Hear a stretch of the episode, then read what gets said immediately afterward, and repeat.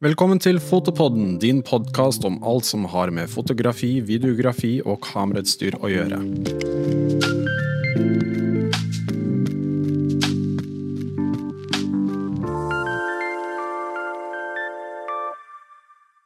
Dagens gjest har jobbet som fotograf i over ti år, med bl.a. bryllup, moteportrett, redaksjonelt arbeid og kommersielt arbeid.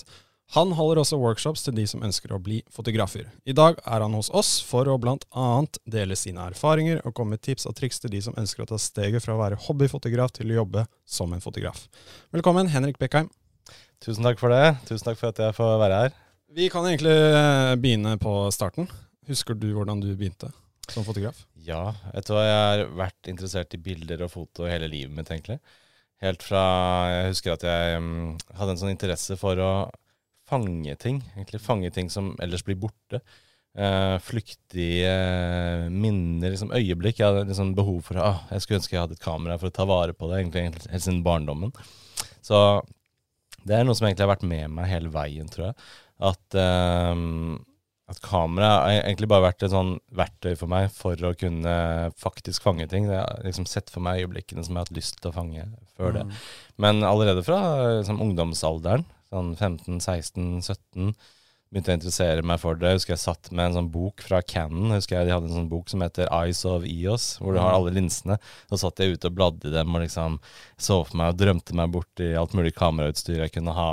Mm. Det var en sånn der eh, forelskelsesfølelse nesten, i sånn optikk og glass, og, og, hvordan det eh, fanger virkeligheten. Det er litt sånn jaktfølelse, egentlig. At du jakter på å skildre det som er rundt deg. Og det har egentlig bare fulgt meg hele veien. Så jeg har egentlig mm. holdt på med det helt siden ungdomstiden. Og, og, så har det egentlig bare blitt naturlig utvikling for meg at jeg eh, begynte med det som yrke også. Jeg, jeg syns det er alltid veldig sånn merkelig, fordi sånn, jeg stiller veldig mange det, det spørsmålet, og alle mm. sier det er, det er, bare et eller annet med det å liksom fange øyeblikk og sånne mm. ting. som De vet ikke helt hva eller hvorfor eller hvordan det kom fram, men det er bare et eller annet med det som er uforklarlig, og som er en tiltrekkelse.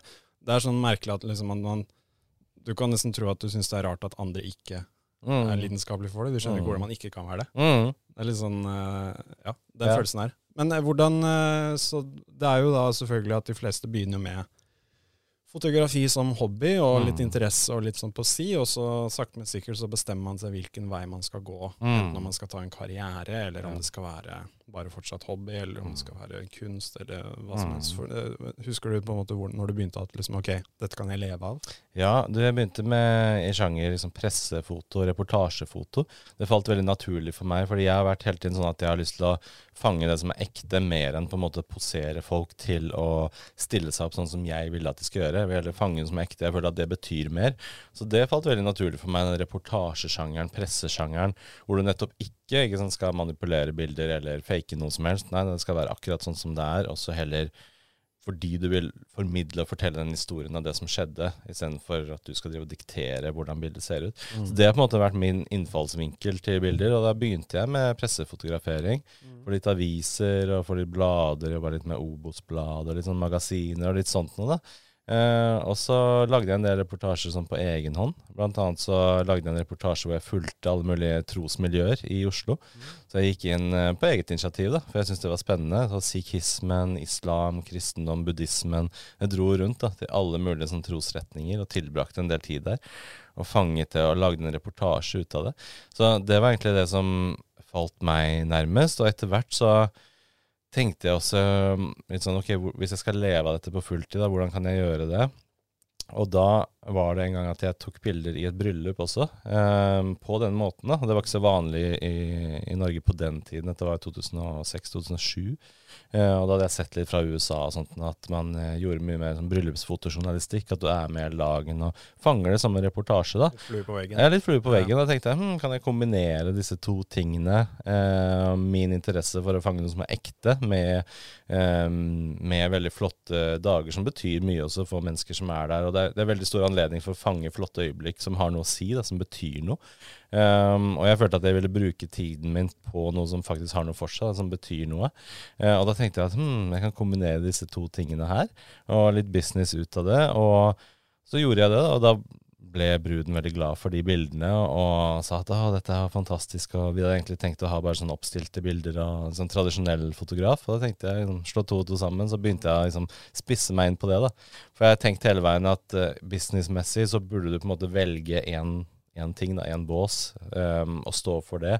Sånn at du blir kjent for på en måte én sjanger. Da. Hele tiden tenkte jeg at det, er, at det er en lur ting å gjøre, og det er det på en måte også. Men um, det har jeg egentlig gjort helt fram til nå. Men jeg har jo også lyst til å åpne meg opp for flere forskjellige sjangere, og mote og portretter og sånt nå. Men sånn businessmessig så har jeg hele tiden tenkt at det var en smart måte å gjøre det på. Så det er det jeg har drevet med sånn på fulltid, og, og tenkt på meg selv som bryllupsfotograf også fram til den dag i dag. Mm. Det er jo det ordet du sa der, businessdelen av mm. å drive som fotograf og det å leve av det, kan jo være en veldig vanskelig felt for mange. Hvordan uh, klarte du å liksom orientere deg rundt der? Mm. Det er vanskelig, fordi jeg tenker at det, det er ofte et motsetningsforhold. Det der med å være en god kunstner og, og skape kunst og, og, det emosjonelle og det fargerike og hele det aspektet. Og så på andre siden så har du det med å være businessperson og så ta på seg den businesshatten og faktisk selge og være den der kremmertypen. Da. Det er ofte to helt forskjellige typer, uh, typer folk. Um, og det, er ok, hvordan kan de to menneskene møtes i deg, da? Og, så det, jeg føler at det er en sånn treningssak. At det er ikke alltid at det ligger så uh, naturlig og latent for deg. Men ok, da må du trene på det. For hvis du vil gå fra hobby til å bli proff, så må du faktisk ta på deg den businesshatten og, og, og, gå inn i det. Så enten så er du så heldig at begge de to tingene ligger latent i deg, at uh, du klarer begge deler. Hvis ikke så tenker jeg ofte at det er bedre å gå på liksom, BI og businesskurs uh, enn å gå på fotoskoler ofte. Mm. Fordi sant, eh, hvis du har talentet der allerede, så kan du alltids trene deg opp til å bli en god fotograf hvis det ligger latent i deg. Men for at noen skal vite om deg, så må du markedsføre deg. Du må klare å kommunisere det ut. Du, klarer, du, må klare å ta det som er essensielt og unikt ved deg selv, og få bransjen og få markedet til å legge merke til det. Ja. Og det krever liksom aktiv innsats. Mange tenker sånn at hvis du har et bra produkt, så kommer du til å selge. At det er bare sånn Hvis du har noe å selge, så kommer kundene til deg. Men det er ikke alltid sånn. Nei. Som regel ikke. Og da må du pushe på selv for å få det ut. Da. Så jeg tenker mm. at det er noe av det viktigste, å ha et bevisst forhold til det. Og tenke at ok, nå, nå, er jeg fotograf, nå må jeg legge bort det. Nå må jeg ta på meg businesshatten. Nå må jeg være liksom kremmertypen. Nå må jeg tenke utenfra. Du må snu bordet og så se deg selv utenfra som et produkt. Ja. Og så, ok, Hvordan skiller jeg meg ut i markedet? Hvordan ser jeg ut i markedet? Eh, hvordan oppfattes jeg? Eh, har jeg noen eh, unike ting ved meg? Og tenke litt mer som en businessperson. At det er en treningssak.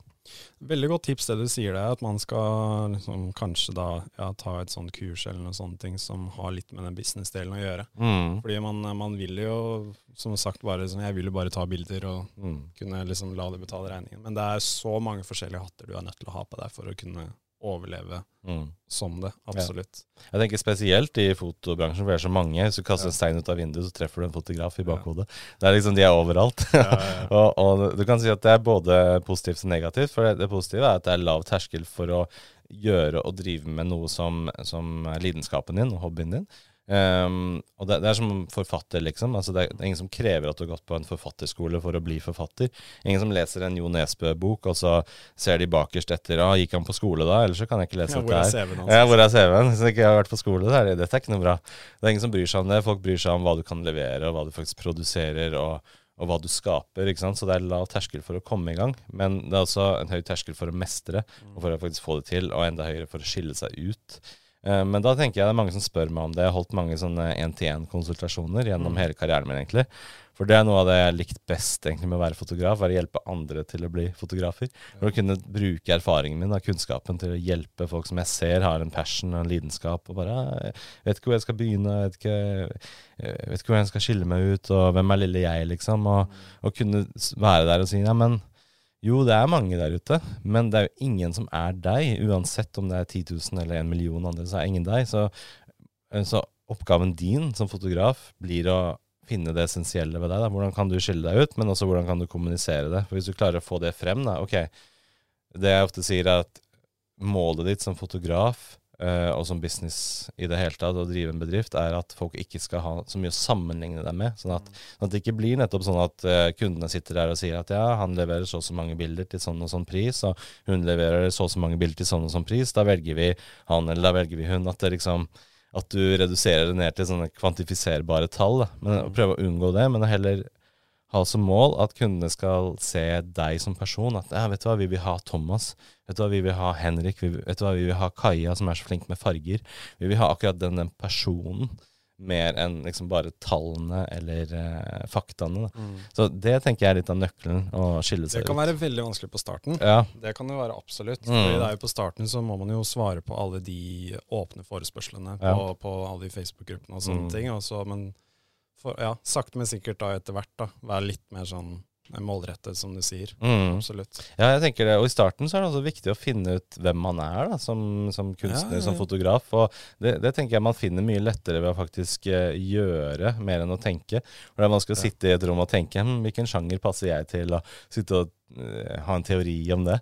Det er liksom, Da er det bedre å prøve seg frem og teste ut ulike ting og se hva som faller seg naturlig. Da. Og da gjør du veldig mange jobber som du sier. Du, mm. skal, du lover deg selv dette skal jeg ikke gjøre igjen mm. på starten. Ja. Og så sverger du til at dette, dette var ikke verdt det. da. Ja. Men da finner du kanskje også ut på en måte, ok, hvor mye skal du ta, hvor mye ja. arbeid er det. Du får den erfaringen som etter hvert du kan bruke for å liksom forhandle priser og sånne ting, hvor du sier sånn Jeg vet at dette høres enkelt ut, men mm. jeg er ganske sikker på at dette tar mye lengre tid enn ja, ja. regnet med, og mm. det er mye mer uh, arbeid og sånne ting. Ja. Uh, så det er bare den erfaringen som man får etter hvert. Men det er jo noe som da um, du også har i de workshopene dine, mm. som er digitale nå? Ja, de som jeg selger nå, de heter Startup. Finner du inne på Beckham Workshops. Og det er nettopp uh, også fordi det er korona, og plutselig er man hjemme, og plutselig har man ikke lov å gå ut noe sted. Og, så jeg har laget et ferdig sånn kursprogram ja. som går over åtte uker, hvor jeg har filmet all kunnskapen som jeg har. Da, alt som jeg har opparbeidet meg gjennom alle årene. Uh, som jeg også har pratet mye om når jeg har hatt sånne én-til-én-konsultasjoner og kurs og workshops ellers. Eh, men jeg ville kondensere det ned og samle alt sammen ett sted. og så prøve å Eh, jeg prøvde å legge det frem pedagogisk, sånn at det ikke blir altfor mye på en gang, men at man får tilgang eh, uke etter uke til flere ting, og så oppgaver etterpå for å trene på det selv, og så eh, benytte seg av kunnskapen. Da. Så det er over 80-90 videoer, fullengde videoer og kunnskap og oppgaver, og der går vi mye gjennom nettopp dette med hvordan kan du skille deg ut, hvordan kan du fortelle din historie, mm. eh, hvordan kan du finne din egen stil, din egen stemme. Hvem er du som fotograf? Hvorfor vil du bli fotograf i det hele tatt? Det er liksom kjernespørsmålet i, i det hele tatt å starte med, um, som det er veldig greit å ha et klart svar på. fordi seinere, når det blir motgang, når det blir vanskelig, når det blir tøft, når, når konkurransen er hard, så er det greit å kunne gå tilbake til det og huske på liksom, ok, hvorfor ville jeg velge den veien her? Hvorfor ville jeg inn på dette sporet? Hvorfor ville jeg ta hobbyen min og satse på den og leve av den og tjene penger på den? Uh, og så finne det, det, det svaret, da, ha det som en sånn ledestjerne. Um, jeg tenker det er viktig um, når du møter motgang, spesielt. Ja, og da finner man veldig fort ut om man ønsker å leve av det eller ikke. Ja. Jeg har hatt flere som har sagt at de ønsker å ta bilder og ønsker å være fotograf, men de fant ut det å leve av det mm. var ikke deres mm. Eh, de ønsket ikke den kommersielle delen. Ja. Og det finner man jo ut av ved å bare prøve å teste litt. Mm. Og sånne ting. Men da også, ja, og det, det, å få den kunnskapen inn nå, var det noe du gjorde digitalt da når pandemien kom? At du brukte da tid på det? Ja, det var det egentlig. Så jeg, jeg prøvde å um, walk your talk, som det heter. Og liksom leve etter mine egne ord. Og si, ok, markedet endrer seg, da tilpasser jeg meg markedet. Ok, hva kan jeg gjøre for noe? Når mm. liksom, oppdragene blir færre fordi alle er hjemme, bedriftene lukker ned, bryllupene stenger ned, liksom, det er ingenting som skjer. Ok, hva kan jeg gjøre? Jo, jeg kan hjelpe folk. Mm. Jeg kan gå tilbake til hva er, hva er det som er essensen med hva jeg liker å drive med. Hva er det jeg har likt å drive med hele veien som fotograf? Jo, det har jo vært nettopp det jeg har gledet meg ofte mest til, er å møte andre fotografer, hjelpe dem, mm. gi dem råd, kunnskap, se dem lykkes, liksom. Er det å liksom eh, ta utgangspunkt i noen som har potensial, og så heie dem frem og hjelpe dem, og så se dem lykkes, bli en solskinnshistorie, liksom. Det, det, gir mye glede, da. Så da tok jeg all den kunnskapen, og så ok, hva kan jeg gjøre? Jeg kan lage et kurs, jeg kan lage et program der jeg forteller alt, absolutt alt jeg kan, fordi det er så enkelt å benytte seg av nettet nå. Du kan filme, du kan lage så lange ting du vil. Mm. Um, og bare sette det sammen da, et, i et system. Um, så jeg føler at det var en meningsfull måte å bruke tiden på under, under korona. Så det tok en god stund, det tok et halvt år å lage alt sammen. Ja. Så det var en veldig morsom prosess også. Altså, gå gjennom alt sammen og finslipe alt sammen. Og, Ja, og se på det og, og, og bygge sånne ting. Da. det tror jeg på. Har det vært bra responser på, på Ja, det har vært veldig gøy. Jeg har 50 aktive deltakere nå, Ja. så det har vært veldig bra. Og jeg begynte jo å selge det før det var ferdig, for å se om det var interesse for det. Og det var det. Så okay, shit, ja, men da, da skal jeg lage dette her. så det var veldig morsomt å, å se. Og så har jeg sånn jeg har sånne Facebook-grupper som er lukka, hvor folk snakker og stiller spørsmål. Så jeg har sånn oppfølging alle sammen. Det er litt sånn gruppementoring i det. da. At folk kan stille spørsmål inne på kursområdet og på gruppa. 'Hvordan ville du gjort det?' og 'Hva tenker du om det?' og sånn og sånn. Så svarer jo de av hverandre også, sikkert. ikke sant? Så det blir et miljø også, sånn at folk kan hjelpe hverandre. Så det er veldig gøy å holde på med. Um, å gå den retningen der og, og dele kunnskap. Da. Det er veldig fint at du gjør, fordi en av tingene som jeg har merket, er det at liksom eh, å jobbe som fotograf kan være veldig ensomt noen ganger. Mm. At du drar jo veldig ofte på jobbene alene. Du Ja. sitter og redigerer hjemme alene. I hvert fall Ja. nå hvis man ikke har et type kollektiv som man sitter i vanlig. Mm. Så er det veldig mye alenetid. Og da er det jo fint også da at man Og det er ikke så ofte at man møter andre fotografer på jobbene. Så det er vanligvis at de booker én fotograf. Mm. Det er veldig sjelden at liksom du er flere. Ja. Så det er jo fint at man eh, har sånne typer plattformer hvor man kan liksom møte Ja. hverandre også, da. Det har jeg følt mye på. Et par år Mm. siden så var det liksom Jobba hver eneste helg i bryllup, omtrent. April til oktober. Hver helg borte. Og da, da drar du i et nytt selskap liksom, hvor du ikke kjenner noen. De kjenner hverandre skikkelig godt. Ja, de kjenner det er godt. det er så er outsider. Ja, veldig. du sitter der bare og hører så hyggelige familiehistorier, fortellinger, og, Ja. og bare ingen kjenner meg. med- ja, ja. ja, ja. Så sitter du på et eget bord for deg selv, og så, ja. og så skal du hjem, og så skal du sitte alene hele uka, redigere bilder i hula di, liksom. Og, og se gjennom alle disse bildene, og så skal du ut igjen på et annet sted hvor ingen kjenner deg, hvor du ikke kjenner noen. Så det er et ganske ensomt yrke, og du jobber jo for deg selv, og det er avhengig av deg selv, og avhengig av å produsere din egen lønn. Altså, du har egentlig bare deg selv som drivkraft, eh, og du er ikke så heldig som har Hvis du jobber så er fast ansatt, så har du kollegaer, du har Mm. jobber hverdager, du har fri i helgene. Hva skal du i helgene? Jeg skal ut og bade. Ikke sant? Som fotograf, nei, jeg skal jobbe hele helgen. Jeg skal jobbe 16 timer og får ikke møtt noen. Så det er et ensomt yrke sånn. Uh, så det er en det må man også huske på hvis man vil velge den veien som fotograf. At det er, det er sånn som musikere, på en måte. Det er et ensomt yrke. Alle ser for seg at musikere er så, ah, det er så glamorøs livsstil. Men det er ofte bare reise, reise, reise, være borte Mm. fra familien. Um, aldri hjemme, liksom.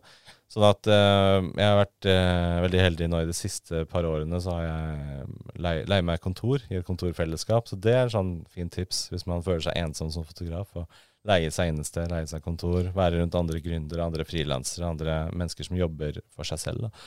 Eh, komme seg ut litt, se andre mennesker. Jeg tror det Ja. Faren min sier 'se andre tapeter'. Se andre er tapeter, ikke sant?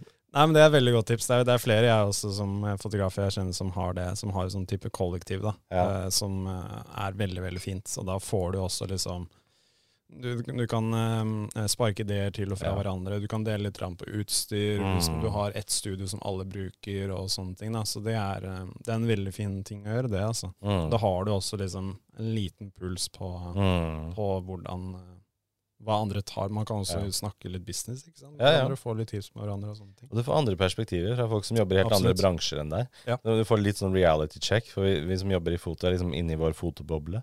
Man kan liksom se oss litt blinde på det iblant. Så er det kult å høre folk fra helt andre bransjer bare ja, 'Jeg ville gjort sånn.' Jeg bare, ja, Det var en interessant måte å tenke på. At eh, du får litt reality check, og du får litt andre perspektiver. Og, og du får også litt den, med den hverdagen. Ja. At Litt det ni er- til fem. Ja, ja, ja, og det er litt deilig også å få litt rammer rundt det. Etter hvert så er det veldig deilig. På starten så syns man liksom ja, nei, men jeg vil jo drive med dette her hele tiden. Etter hvert så er det veldig fint å kunne liksom Mm. bryte. I hvert fall hvis du går fra at det er hobbyen din, så da Mm. ønsker du å gjøre det hele tiden, men du kan ikke fordi du har jobb og sånne ting, og så går du ut og gjør hobbyen din. Men når det blir jobben din, Ja, da må du finne deg en ny hobby. ja, ja. ja. Så da må du ha noe annet å gjøre på, på etter klokka fem. Det er det, vet du. Og da er det veldig fint å kunne liksom bryte av. Og så er det så viktig, tenker jeg, nettopp det å ha de rammene. Mm. Fordi eh, det verste du kan gjøre i starten, er å bli så ivrig og jobbe så mye at du blir utbrent. ikke sant? Sånn at da, da mister du? Da kan du miste dobbelt. Da mister du ikke bare jobben din, mister lidenskapen din òg. og ødelegger du både hobbyen din og det som er jobben din. Så det er egentlig um, dobbelt så høy risiko å velge noe som er hobbyen din, for det er så stor del av livet ditt fra ja. før av. Du vil ikke assosiere det med å være utbrent og jobbe for mye. Så derfor tenker jeg ofte at og anbefaler ofte at folk adskiller så mye som mulig. Enten at du har hvis du er så heldig å ha et ekstra rom da, i leiligheten din og ha et eh, hjemmekontor, hvor liksom der går du inn 8 til 4, og så er du ferdig, og så går du ut derfra, og så jobber du ikke mer. Sånn at du ikke ender opp med å sitte med laptopen i senga og eh, i sofaen, og at alt bare flyter. da. Mm. Eller hvis du er så heldig å ha mulighet til å leie deg et kontor sånn, og dele det opp. Jeg tror det er noe sunt med å dele opp livet sitt litt. At Absolutt. Jobb, altså hjemme og fritid så jeg pleier å si åtte, åtte, åtte. da. Åtte ja. timer søvn, åtte timer jobb, åtte timer fritid. At du har den gående, så at ikke alt bare flyter. Og jeg tror det er mer effektivt da også. da. Da er du mer effektiv på hjemmefronten. Vi, vi alle merka det i korona, hvor du måtte liksom være hjemme og jobbe. Og hvis du har barn og sånn da, da blir, Jeg har en datter på fem år. Da blir du liksom verken effektiv som, som, far, for da føler jeg jeg har dårlig samvittighet for at jeg ikke er der for datteren min, og, og, samtidig dårlig samvittighet for at jeg ikke fokuserer nok på jobben min. Så det blir sånn verken eller. Ja. Det, du, du, blir ikke effektiv på noen av delene hvis du prøver å gjøre alt samtidig. Nettopp. Jeg har hørt noen, eh, Det var noen som uh, sa det at de tar seg en uh, kvarter Når de hadde hjemmekontor nå det siste året, da, så mm. de, gikk de en tur et kvarter på morgenen. Ja. Så de gikk til jobb, i gåseøynene. Ja. Og så, når du er ferdig liksom, med jobbdelen, så gikk det seg en kvarter mm.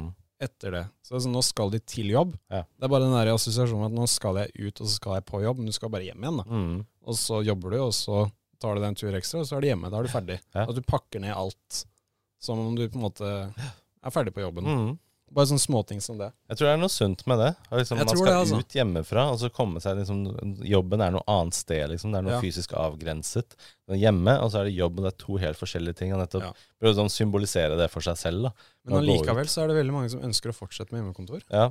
Jeg skjønner det òg. Men jeg, tror, jeg, tror, det vil bli mer sånn balansert utgave. Altså Litt hjemme og litt på jobben. Ja. At du ikke er 100% For jeg tror folk blir sprø hvis du er bare hjemme. det går ikke, altså. det, men jeg kan skjønne det, det, praktiske med det. Jeg har jo hatt hjemmekontor selv i mange år, og det er veldig mm. praktisk. Og bare subbe bort til kontoret, liksom, og så jobbe der. og Du bør ikke dra noe sted. Du bør ikke kollektivtrafikken, du ikke fulle T-baner og trikker. Og det er mindre stressende sånn. Det er veldig stressende ofte hvis du bor i en storby og, og skal sitte på en full T-bane. og Det er mange ting som skal til da, for at du skal komme deg på jobb. Um, men jeg tror det handler om å, å adskille det på en eller annen måte uansett. Da. Å det er finne, veldig viktig. Finne en eller annen måte. Mm. Jeg tror, eh, jeg kan se for meg at eh, det vil være mer i nybygg, i hvert fall i byer og sånne ting, mm. så vil det være da på en måte eh, planløsninger som, hvor hjemmekontor er en del, fast del av det. Sånn at det blir mer og mer vanlig. Mm. Eh, så jeg ser for meg at folk vil eh, se på det som en mulighet eh, fremover. Men som du sier, at man deler på det. Ja. Liksom, du har det litt, eh, det er litt av og på. Men det, jeg, jeg, kjenner også flere som har, i hvert fall i Oslo nå, som har flyttet ut av Oslo. Ja. Fordi de finner ut at de kan fint jobbe hjemmekontor, og de har fått godkjenning at det skal de egentlig bare fortsette med, utenom et par dager hvor de skal faktisk inn, og det er store møter eller et eller annet som skjer. da. Men så flytter de ut av byen og finner seg eh, et hus istedenfor en leilighet til samme pris og alle de tingene der. da. Så den type løsning der fremme, jeg kan se for meg at det kan være veldig positivt og veldig fint for mange. Ja, det tror jeg også. Jeg tror eh, korona vil ha mange forskjellige effekter på folk, eh, i, og samfunnet etterpå. Mm. Jeg tror det blir så uvant bare å håndhilse på folk. Så, ja, liksom. ja, det tar ikke en stund før jeg blir det, tror jeg. Også det, ja, ikke sant, fra by til land, og at folk flytter på seg. Det blir en helt annen måte, tror jeg, å strukturere arbeidsdagen og, og livene våre på. Alt blir veldig digitalt. Ja, ja, det tror jeg også. Og det har mange fordeler også. Bare sånn som podkaster har fått uh, oppsving, og gjøre ting digitalt og, og bli mer effektivt. Og du bør ikke reise så veldig langt for å få til ting, for å gjøre ting, for å møte folk heller.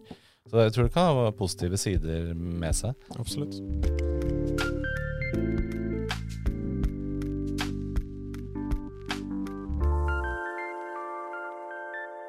La oss eh, snakke litt om kameraer, da. Mm. Så du har jo uh, kjørt Cannon hele tiden, nå, ikke skjønt? Ja.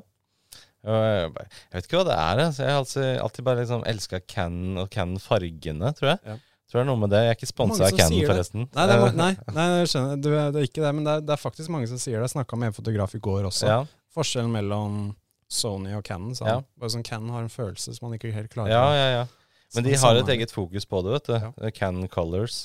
Jeg husker ikke helt eh, begrepet de bruker på det. Can color science, eller noe sånt noe. Um, så det er et eller annet med de fargene. Og da jeg begynte å skjønne etter hvert at optikken er jo det som faktisk gir fargene, det som gir så mye mer av bildet. I starten så tenker man bare at å, det er bare blenderåpningen og hvor mye lys du får, og egentlig så er det helt likt eh, bortsett fra det, men det er jo ikke det i det hele tatt. Det er jo, det er jo hele bildet starter der. Og Canon-optikken føler jeg har vært helt unik. Jeg husker jeg starta med en EF 85 mm, en 1,2. Og det var bare sånn Oi, bildene blir bare smør, liksom. Og fargene bare 3D, liksom. Det bare skyter mot deg. Og bare wow. Bare det i seg selv gjør at du får lyst til å ta flere bilder. Når resultatet blir så sykt bra. Da. At det blir liksom bedre enn hva du ser med øynene dine. Og, og fastoptikken der så har jeg brukt hele veien. 35 mm, 1,4. Jeg tror, Iblant så spør folk meg om eh, hvis du kunne valgt én linse resten av livet, for ikke lov å bruke noen andre, så hadde jeg valgt fortsatt den. EF 35 mm 1.4. Mm. Fordi det kan gjøre så mye. Du kan gå tett på, så blir det et portrettobjektiv, og langt unna så har du vidvinkel, og det samtidig er norm normalt utsnitt. Så du kan både liksom gjøre reportasjer og mer portrettarbeid samtidig. Så hvis jeg kunne valgt én, så ville det vært den, og, og så pga. bakgrunnsutskarpheten, fargene, men også følelsen. Det er noe sånn sjel i de linsene også, for de er ikke perfekte. Det er noe med det, det, det uperfekte, føler jeg også. At det er f.eks. 50 mm til Canon, uh, de som kjenner den 1,2. Den er jo med vilje laget som et portrettobjektiv, sånn at den blir, den blir veldig uskarp hvis du går tett på. Mm. For det mangler det som heter floating element. De har tatt bort det med vilje for at det skal bli et, Eh, et mest mulig um, pent portrettobjektiv da, som, som, skildrer mennesker best mulig, mer enn liksom, ting eller landskap og sånt noe. Sånn at de er liksom laget uperfekte, da, i anførselstegn med vilje. Så jeg tror det er noe med det også, at det blir litt sånn sjarm og sjel og personlighet i, i objektivene da, på grunn av det. Så når kan holdt meg til hele veien. Og så um, Det er også noe man må bli vant til, tror jeg. Um, men jeg har prøvd litt andre kameramerker. Jeg har prøvd litt Fuji. og prøvd litt uh, forskjellig, men, men, jeg har alltid bare gått tilbake til canene. Det, er altså noe når man stoler på noe, særlig som, når det ikke er som hobby, når det er noe som du gjør for arbeidet ditt, for lønnen din, for businessen din, så må du ha utstyr du stoler på. Du kan ikke, du kan ikke prøve ut liksom for gøy. Ja. Nå skal jeg prøve mm. det, og så bare Oi, dette funka ikke. Jeg kan gjøre det bryllupet på nytt. Kan ikke ta den hvilelsen en gang til. for jeg prøvde nytt kameraverk i dag, og det gikk ikke. Det, det funker ikke så bra. Så det er liksom bruke det du stoler på. Da.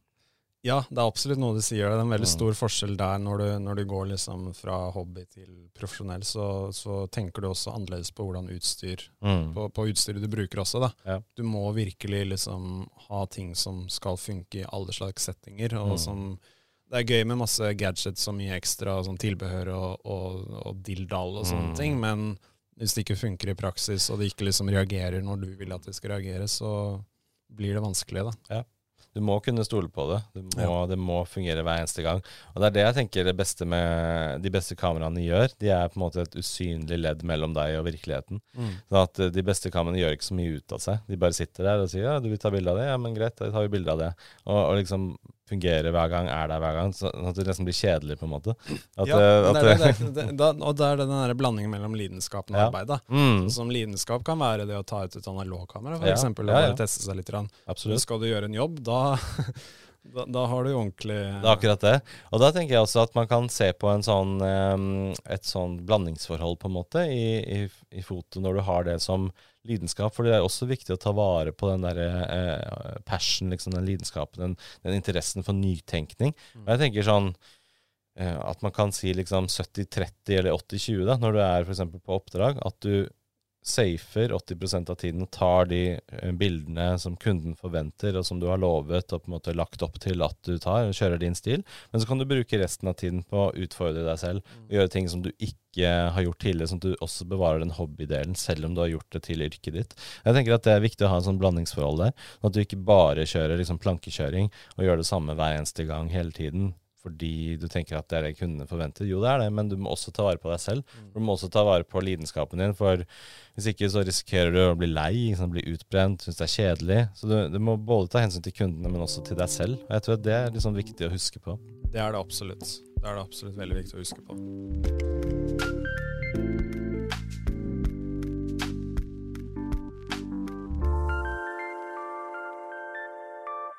Jeg, jeg, jeg husker du sa på det foredraget du hadde på messen vår, Mm. hvor du snakket det om å ta bilder i motlys. Og det er en sånn stil man bare finner frem til om man foretrekker det eller ikke. Mm. Um, fortell litt om hva er det som er viktig da, med å liksom Hva er det man må tenke på når Ja. man skal ta bilder i motlys? Det kan være litt vanskelig noen ganger. Det kan være vanskelig. Altså Man tenker på kanskje helt i starten liksom, hvorfor vil man gjøre det. Og Det handler ofte om smak og stil og hva er det du vil uttrykke. For meg, grunnen til at jeg tar bilder ofte i motlys, er fordi det gir meg en sånn følelse. Og jeg føler at det gir en følelse i bildet også. At du på en måte er i sollys, at sola skinner på deg, at det er øyeblikket, at det blir veldig sånn dynamisk og levende, at du er eh, i omgivelsene, da. Um, at sola, jeg liker at sola skinner inn i linsa og får sånne flares, ikke sant? at det skaper en sånn stemning, en sånn passion i bildene på en eller annen måte. Og så er det noen som tenker på det som uperfekt, ikke sant, som feil. Iblant så hører jeg det når jeg tar bilder i bryllup, så kommer det en annen onkel eller noe sånt. Jeg må ikke ta, ta bilder i motlys, jeg blir jo uh, brudeparet helt mørkt. Dette går ikke. Så jo, jo, det skal gå, jeg skal vise deg. så det er sånn, jo, det er feil liksom å ta bilder Ja. mot lyset. Men det kommer an på hva, hvordan du bruker det, og hva du gjør ut av det. Sånn at når jeg tar bilder i motlys, så for det første så må du selvfølgelig bruke manuell eksponering um, og styre alt sammen selv, sånn at du vet uh, hvordan resultat uh, For det første hvordan resultat, hva slags resultat du ser for deg, og for å kunne oppnå det. Um, sånn at um, i motlys så er det mye å si hvor sola står. Så ofte når det gjelder bryllup, da, så er det bedre å ta de motlysbildene på kvelden, for da har sola en annen vinkel, den er lavere ned, du får mer sånn gylne toner, varmere toner. Ikke så sterk heller. Ikke så sterk, og hvis du tar det midt på dagen, så kommer jo sola rett ovenifra, og da får du ofte lett liksom, skygger under øynene, eh, blir mye hardere. Eh, der er hvis du absolutt skal ta det på dagen uansett, så er det tips er å dra på en strand, for da får du sanda under, som fungerer som en reflektor. Den reflekterer lyset tilbake, og ikke bare lys tilbake, men også litt sånn varm tone på lyset, for sanden er litt sånn gyllenbrun. Og da får du faktisk det tilbake, som kompenserer for de skyggene som ellers ville kommet under eh, øynene. Eh, så det er noe som funker uansett eh, tid på døgnet. Men det er også selvfølgelig viktig å eksponere for eh, Eller velge hva du eksponerer for. Så du kan jo ta det bildet på to måter. Du kan enten gjøre sånn som kamera, i hvert fall omtrent frem til nå ville gjort, der jeg eksponerer for himmelen. Tenker at ingenting skal bli utbrent. og Det er derfor motivet blir så mørkt, fordi himmelen skal bli blå, ikke hvit. Mens jeg har alltid fokusert på hudtonene. Det er det som har vært viktigst for meg når jeg tar bilder, er jo menneskene. og Hudtonen er ikke så nøye om himmelen blir utbrent og blåst ut, liksom. Men nå som kameraene blir mye mer avanserte, og det har større dynamisk omfang, så kan du jo både få menneskene riktig eksponert og få med himmelen for det, selv om du tar bilder rett mot sola, rett inn mot lyset. Så det handler egentlig om å styre resultatet selv, og være eh, godt kjent med kameraet sitt, og manuelle innstillinger og lyset. Det er også mye å si med optikken du bruker, hvor bra det eh, håndterer motlyset. Eh, og kontrastmessig, hvordan det håndterer uh, å ta bilder rett inn i sola. Og så gjerne bruke en sånn uh, shading hood utenpå, sånn at du får mest mulig ut av det. Men også det å finne naturlige reflektorer i omgivelsene. Det er ofte noe jeg har jobbet mye med i sånne um, fotokurs som jeg har holdt og sånn. Det er nettopp å lære folk til å ta bilder i motlys, og hva kan vi bruke eksempel rundt oss i omgivelsene. Oi, finner vi en hvit eh, husvegg, la oss bruke den, se hvordan lyset faller tilbake igjen i ansiktet på folk. Står en hvit bil parkert der, la oss bruke den. Eh, sand, eh, hvitt underlag. Eh, eh, hvor kan vi finne lys som, som kan hente frem igjen litt fra skyggene. Eh, og så gjelder det å bruke øynene sine og trene opp det. Det er noe du merker som når du begynner med foto, enten som hobby eller som fotograf på fulltid, det er at du blir mye flinkere til å se de små nyansene. Sånn at når jeg sitter på trikken eller går rundt blant folk, så ser jeg ofte det bare skyter liksom mot meg. Åh, det hadde vært et fint bilde, for det var perfekt lys. Jeg bør liksom ikke I starten så måtte jeg ta opp kameraet ta et bilde. Oi, shit, det var veldig bra lys når jeg ser på det. Men nå kan jeg se det før jeg tar bildet. Jeg tror det eh, skiller en god fotograf fra en som er helt nystartet, er at du vet resultatet før bildet er tatt. At du trenger bare et kamera bare for å fange det som du allerede ser for deg. Um, men jeg tror at det er viktig å ha et sånt bevisst forhold til lys, og, og vite hva du er ute etter, hva du vil fange. Um, og selvfølgelig den tekniske kunnskapen til å oppnå det. Da. Men det er en treningssak, tenker jeg. Jeg tenker Alt starter med å et, visualisere hva man vil ha. Mm. Og så finner du, som du sagt, du, finner liksom stilen etter hvert, og så etter hvert Ja. så da begynner du liksom å se motivene også. At liksom, Mm, legger bare merke til det. ja. Sånn, hvis du bare flytter deg mot vinduet her nå, så hadde det Mm. vært veldig sånn fint. Det er så små nyanser. Det er sånn bitte små, ja. Ja, og det er det folk ikke skjønner når de er helt nystarta eller ikke har Mm. drevet med foto før. Eh, eksempel hvis jeg tar opp bare et hvitt ark eller Mm. en eh, pappeske eller hva som helst. Bare sånn bitte lite grann. Gir et lite sånn um, Litt grann lys tilbake i ansiktet. Bare bitte små nyanser kan ha veldig mye å si for bildene. Fordi Øynene ja, det litt litt, frem. liten pop, liksom. Mm. Uh, og det er, det er vanskelig for folk å skjønne, for det, det ser ikke så um, Du ser ikke forskjellen så tydelig bare i, med, med øynene dine, men når du ser det på bildet etterpå, så ser du at oi, det var faktisk en verden av forskjell. Absolutt.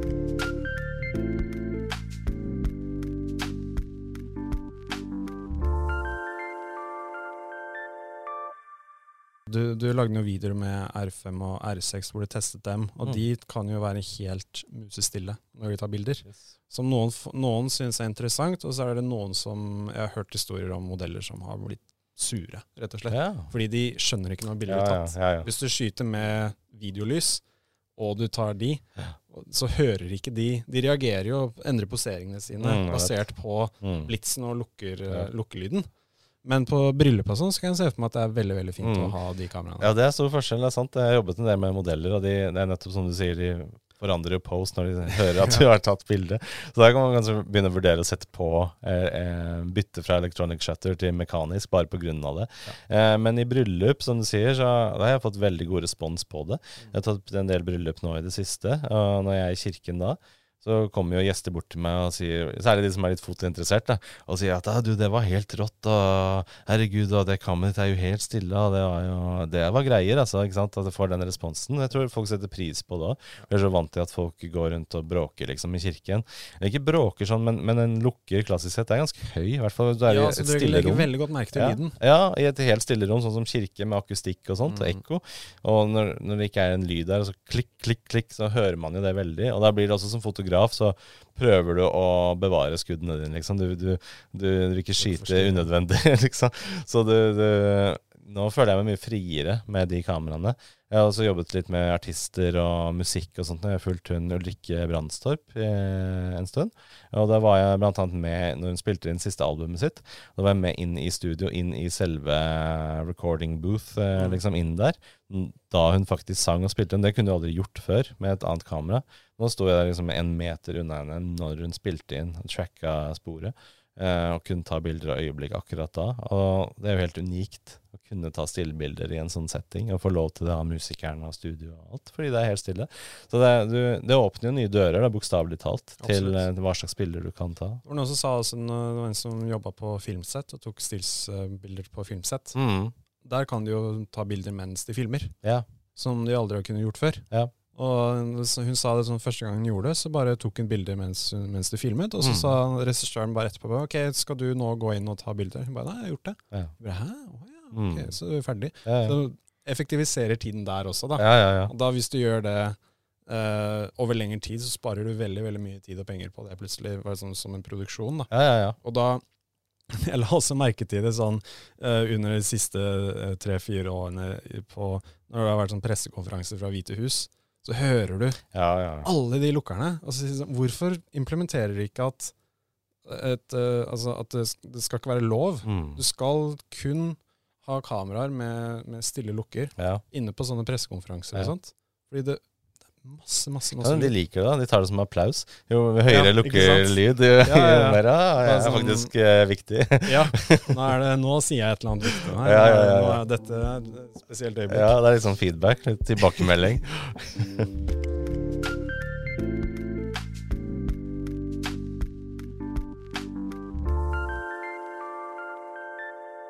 Men eh, la oss gå litt tilbake på eh, det med altså finne motivasjonen. Mm. Syns jeg at det er veldig sånn eh, fint å snakke litt om. Litt Mm. på grunn av at jeg merket det litt selv noen ganger, at motivasjonen faller litt vekk. Ja. Sånn, sier når man jobber litt med det. Også det som altså at du sa at eh, du sa i foredraget også at det er ingen som eh, Du skal liksom gjøre deg fortjent til dette her.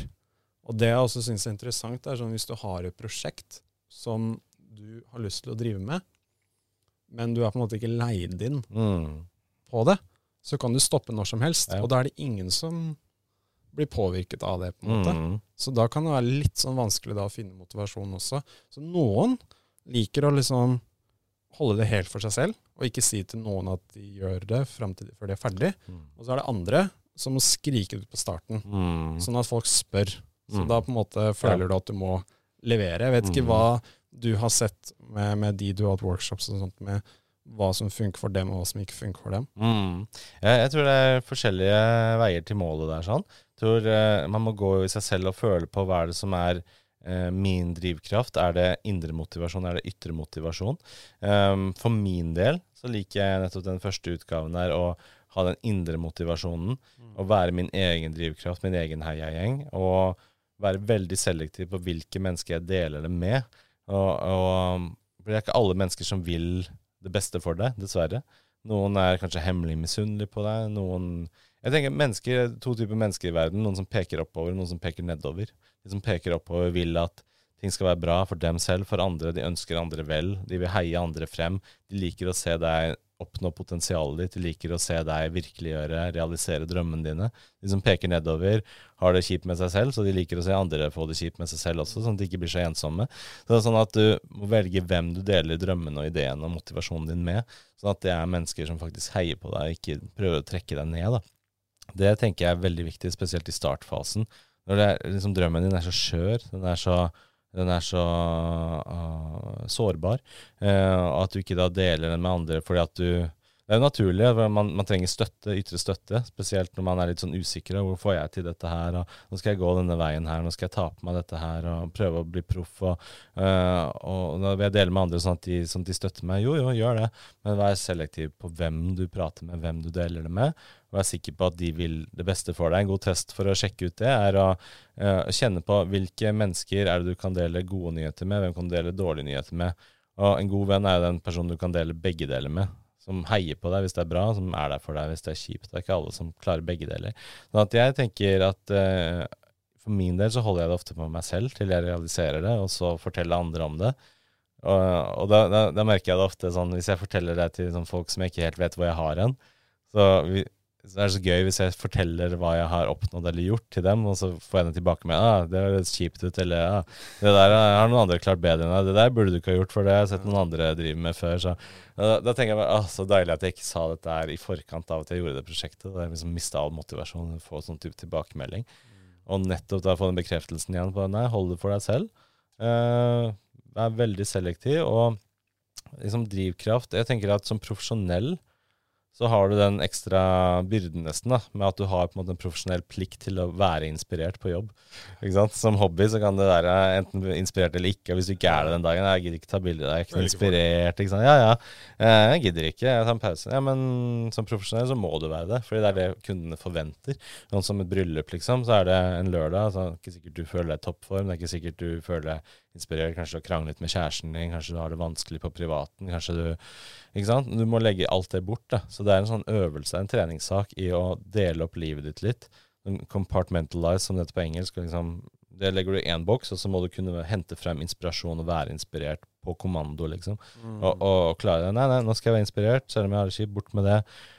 Uh, ta frem inspirasjon, og, og, gå inn i det aktivt. da. Sette på musikk som du vet du liker å høre på. Uh, se på andre typer bilder, se på artister. se på... For meg så handler det ofte om å finne inspirasjon fra andre som jeg ser opp til. Og da er det ofte um, malere og kunstnere sånn fra 1500-tallet. Caravaggio liker jeg å se på mye. Jeg tenker på de italienske malerne og kunstnerne som den tidens, datidens fotografer. De hadde ikke kamera, men de brukte lyset på samme måte som vi gjør. Så hvis du ser på de gamle italienske malerne, hvordan de maler som om det er et fotografi, og bruker lyset. Du ser at de er opptatt av lyset. Gå tilbake til det, finne essensen i hva er det folk prøver å fremheve her. Og musikk og ikke sant. Jeg tenker Alt dette er for å bevisst sette deg selv inn i en inspirert tilstand. At det er på en måte plikten din da, som, som, som, profesjonell. Og, så det er egentlig en treningssak tror jeg mye går på. Å kunne være inspirert. Og, og, bare bestemme seg for det.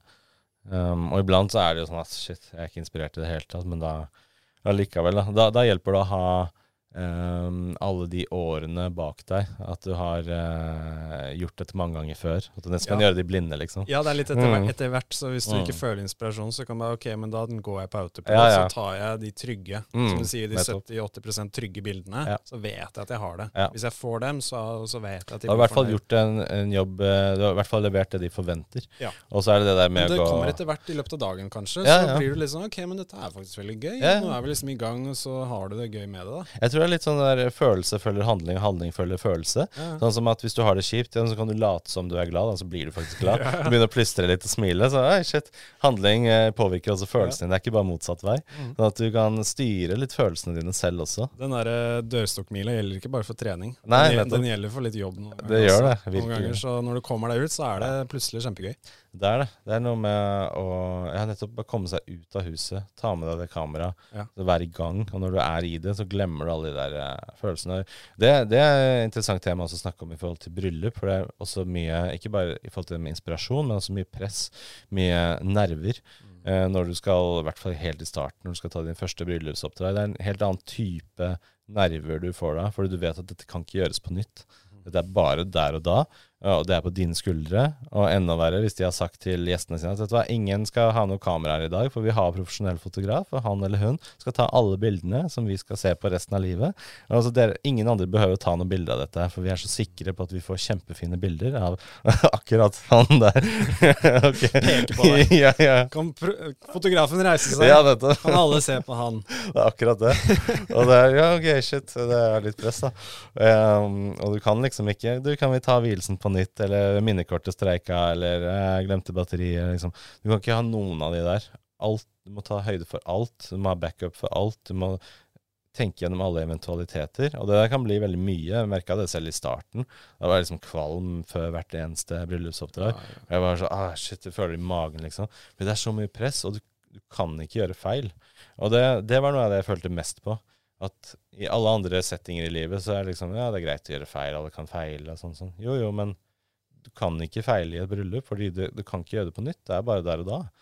Portrettoppdrag, jo, jo, det ble litt feil, kan vi utsette. Eh, konfirmasjon er kanskje litt verre, men andre typer oppdrag, da. Det er ikke livet død, liksom. Mens bryllup Men så, så ble det sånn For meg så ble det ganske noe angst og bare det å, å ha det presset på seg. Jeg visste jo at jeg klarte det etter hvert. At jeg har gjort det liksom, Nå har jeg gjort det 350 ganger, så jeg vet at jeg kan det. Så det er også en trygghet i deg selv, da. Men etter hvert så kom jeg til den erkjennelsen at jo, jo, du kan fortsatt feile i bryllup, men men du kommer ikke til å feile totalt. på en måte. Du kan gjøre småfeil. Du kommer til å gjøre småfeil hele veien, men det betyr ikke at alt sammen blir en fiasko. på en måte. Det betyr ikke at du gjør de store, grove feilene. Liksom, glemme minnekort eller glemme batterier eller sånne ting. ikke sant? Men du kan gjøre småfeil, og at det er greit. Og at du kan på en måte da senke skuldrene litt i forhold til presset du legger på deg selv. da. Men heller si at vet du, det er greit å gjøre feil. Og vet du hva, å gjøre feil kan faktisk lede til noen kule settinger, kule situasjoner, kule bilder du ikke hadde tenkt på. Hvor du plutselig tok det på en helt annen måte enn du hadde tenkt til. Og så ser du etterkant Oi, det ble ganske kult. Det jeg så på som en feil, var faktisk noe som ble Ja, fett. At det, at det kan være noe positivt også. Så jeg, jeg tenker det er så viktig, det, ditt eget forhold til å gjøre feil. Da. Er det greit eller ikke for deg? Uh, og det kan bli en veldig sånn viktig, avgjørende ting. I hvert fall hvis du vil inn på bryllupssjangeren og den typen sånn high pressure-type uh, sjangere. Tar du eh, færre bilder per bryllup nå, eller flere enn det, da du begynte? Eh, nesten flere, fordi kameraene går fortere. Ja, ikke sant? Det er flere bilder i sekundet. ja, det går så Ja. sykt kjapt. Sånn som jeg brukte R6 nå her om dagen, og det, Ja. når du holder inne der, så er det liksom 20 bilder i sekundet, og du har ikke hørt en lyd engang. Nei. Så ser du etterpå, oi, og da spoler jeg fort forbi, så er det som en film. Det har hvert eneste sekund. Det er sant, det. Fyller opp harddisken veldig fort. Det Veldig. eh, en, eh, Men nå har jeg begynt å faktisk sette det for første gang i karrieren min, så jeg satt det til sånn one shot, altså det at det ikke tar eh, multiple bursts. Ja, jeg liker det, også. Ja, bare ett bilde, det er nok. Ja. Og det er deilig med den nye generasjonen kameraer. Fram til nå så har jeg egentlig ikke følt at jeg kan stole på kameraet i form av fokus. Jeg har ikke følt at Sånn som jeg, jeg har brukt 5D-ene hele karrieren min, Uh, og jeg følte at jeg måtte ta veldig mange bilder av samme settingen for å være sikker på at ett av dem blir skarpe. Særlig med liksom, optikk som store blenderåpninger, 1,2-optikk og sånt noe. Du kan liksom ikke ta ett bilde, og så ja, da har jeg den settingen, så går jeg videre. Ehm, fordi det bomma så ofte, da. Det var ganske bra fokus, det ble bedre og bedre for hver generasjon, men det bomma mye, spesielt på avgjørende ting. Motlys, særlig motlys. Veldig vanskelig for kameraene å finne fokus. Um, så kunne jeg aldri helt stole på det. Jeg følte at det var et ekstra stressmoment med å ta bilder i bryllup. At ah, jeg kan ikke stole på kamera på den biten der. Jeg kunne stole på det på alle andre ting, men ikke på den med fokus. Og da følte jeg at jeg måtte ta liksom 10 000 bilder av hver setting for, for å få det ene skarpe. da. Mens det er et stressmoment som er borte nå pga. den nye R-serien. det høres veldig ut som reklame for Cannon, men, det- men det er bare opplevelsen min av det. Er at de, de er så sykt mye bedre på fokusen pga. måten de jobber på i forhold til de gamle speilrefleksene. At det, det, jeg føler at det senker skulderen i seg selv. da. At, at jeg er i en setting Åh, nå kan jeg tenke på komposisjon, nå kan jeg tenke på følelsen, stemningen, kommunisere med, med, med motivet. Uh, og hva jeg vil fange, mer enn å liksom stresse med Åh, nå må jeg ta masse masse av den sittingen, nå må jeg ta masse masse av den, for å få ett som er skarpt. liksom. Så jeg føler at det har gjort meg til en bedre fotograf Ja. på den måten. At jeg, kan fokusere på andre ting enn rent tekniske. da. Det er som du sier, kameraet går ikke i veien. Ja, det går ikke i veien lenger. Før så var det en flaskehals på den biten. Ja. Spesielt kanskje fordi jeg liker å jobbe med veldig store blenderåpninger. da. Jeg liker å jobbe på 1,2 og sånn. Ja. På, og de fleste stopper jo ned liksom til 2,0 og 2,8 og sånn. Men jeg liker å ha de der store blenderåpningene for å få mest mulig dybde. Ehm, og i tillegg jobbe i motlys, og i tillegg jobbe med bevegelse. Så det liksom, du har alle elementene lina opp. da. Og i tillegg kamera- jobbe i lavt lys i, i, i mørke settinger. Ja, da skal Eh, kameraet stille opp. Det skal stille opp, og nå gjør det det. da. Så nå Ja. tracker de øynene og alt det der. Ja, ja. Til og med på video. Jeg, Ja, ja. jeg gjør mest video, og jeg har aldri brukt autofokus på video. ikke det? Men Mm. nå med, å bruke A7S3 og, og R5 og R6 og sånne ting, og flere kameraer nå hvor jeg kan virkelig stole på Ja, det autofokusen. Mm. Før så prøver den å finne fokusen av pulserer og sånt, og går litt Mm. frem og tilbake og litt ut og inn og sånn. Mm. Men nå med eh, øyefokus på video også, så Mm. er de til å stole på det. Ja. Og det, det har man ikke kunnet si før. Er ikke det deilig? For da er du liksom fri til å tenke på helt andre ting. Jo. Det er bare ok, fokusen, check. Greit, Ja. hva annet kan jeg være opptatt av? Og jeg tenker at du har bare så og så mye kapasitet i hva du skal være opptatt av. Ja. Og, og la liksom outsource så mye som mulig til kamera på den biten. da. At kamera tar seg av fokus, ok, da kan jeg være den kunstneriske. Da kan jeg tenke på farger, da kan jeg tenke på komposisjon, følelse. Hva er det jeg vil formidle her? Um, I hvert fall når du, du liksom, Det er mer og mer vanlig nå med også når man filmer. Så før så var man jo vanligvis et par stykker Mm, på sånne småoppdrag. Nå er man så å si alltid alene der også. ja. Og da må du tenke på lyd også Mm. i tillegg, og alle de tingene der. Mm, Og også at du skal fortelle den historien med alle videoklippene og liksom innklippsbilder. Og mm, liksom, kanskje du må være litt journalist også og stille riktige spørsmål og tenke på innhold og sånne ting. Da er det bare det at autofokusen stemmer, og da er det én mindre ting å tenke på. ja. Det er veldig behagelig. Mm, Så nei, det har, det har skjedd en del. mm, Absolutt. mm. Så det er veldig spennende, det, altså. Eh, Mm. eh, veien fremover, da. Nå er jo på en måte forhåpentligvis Vi krysser fingrene for at eh, det verste fra pandemien er, til, er over, og vi er Ja. snart er tilbake på, til det normale på et eller annet tidspunkt. Ja. Eh, hvordan ser du veien fremover? For meg så handler det mye nå om å øh, finne ehm, Eller komme meg ut av å bare jobbe innenfor på en måte én sjanger. For det er noe jeg har tenkt på ofte i starten, så har jeg ofte rådet folk til at du skal velge deg en sjanger, du skal velge deg liksom din bås. Det er deg, liksom. Eh, men jeg har lyst til å komme ut av det og, og heve meg over det, på en måte, og ikke tenke på meg selv som liksom, bryllupsfotograf eller motefotograf, eller sånn, sånn, men som fotograf i seg selv. Og jeg vil at stilen min, måten jeg bruker lyset, fargene på, er det som skal definere meg. Det er det som er rød tråden, uansett hvilken sjanger jeg jobber i. Så jeg har lyst til å, å jobbe mer bredt, og jobbe mer med finspisse liksom min stil. Um, jobbe med ting som inspirerer meg, som gjør meg eh, gira, liksom, på forskjellige ting. Det gjør jo bryllup også, men jeg har lyst til å bruke eh, Bruke den kunstneriske siden av meg mer, da, på Mm. mer bredde, på flere forskjellige ting. Så jeg har lyst til å jobbe mer med eh, mote, f.eks., klesmerker. Jeg har lyst til å fortelle historier. Um, jeg tror mye går på det. For, uh, historiefortelling gjennom bilder, men i min stil, da, i det lyset og det fargene som jeg liker å, å bruke. Så jeg skal fokusere mer på det, tenker Mm. jeg. Eh, rent fotografisk. Og i forhold til kurs og sånn, så kommer jeg til å holde mye mer av det. Og eh, jeg skal lage et eh, kurs til, tenker jeg. Nå har jeg den kurspakken som er retta mot startup, som nettopp heter Startup. Så det er liksom for de som er helt i startfasen, som faktisk vil ta det steget, som har talent, som har potensial, som, som er god på å ta bilder allerede, men som vil ta det et steg videre og lage en business ut av det. Det er på en måte de startup er retta mot. Så jeg tenkte å lage også noe som heter masterclass, som er på en måte de som allerede er i gang, men som kanskje har kjørt seg fast litt. Som kanskje nettopp det som vi snakker om, mista litt motivasjonen, eller gnisten. Mista litt gløden, og, og kanskje ikke helt får det til i forhold til hvor de vil plassere seg i markedet med prisene sine. Får ikke helt dreisen på prisfastsettelse og pakker, og, og, dette med markedsføring og sosiale medier, og hvordan skal jeg nå ut, og hvordan skal jeg få akkurat de kundene jeg så for meg at jeg vil ha. ikke sant? Så De som har holdt på en stund, da, etablerte fotografer, men som trenger litt ny input, litt av en boost, litt uh, andre perspektiver da, som jeg kan kanskje komme med. Kult. Mm. Nei, vi, eh, Det blir spennende å følge med på. Hvis folk ønsker å finne deg, hvor er det man, eh, er det man finner deg? Ja, det finner meg på Henrik Beckheim på både Instagram og Facebook. Bare søke der. Og så finner du også disse kurspakkene jeg prater om, finner du på beckheimworkshops.com. Så kan du gå inn der og se en del forskjellige ting som jeg tilbyr. Veldig bra. Tusen takk for at du kom innom. Og så takker vi for at dere hørte på, og så ses vi i neste episode. Tusen takk. Bra.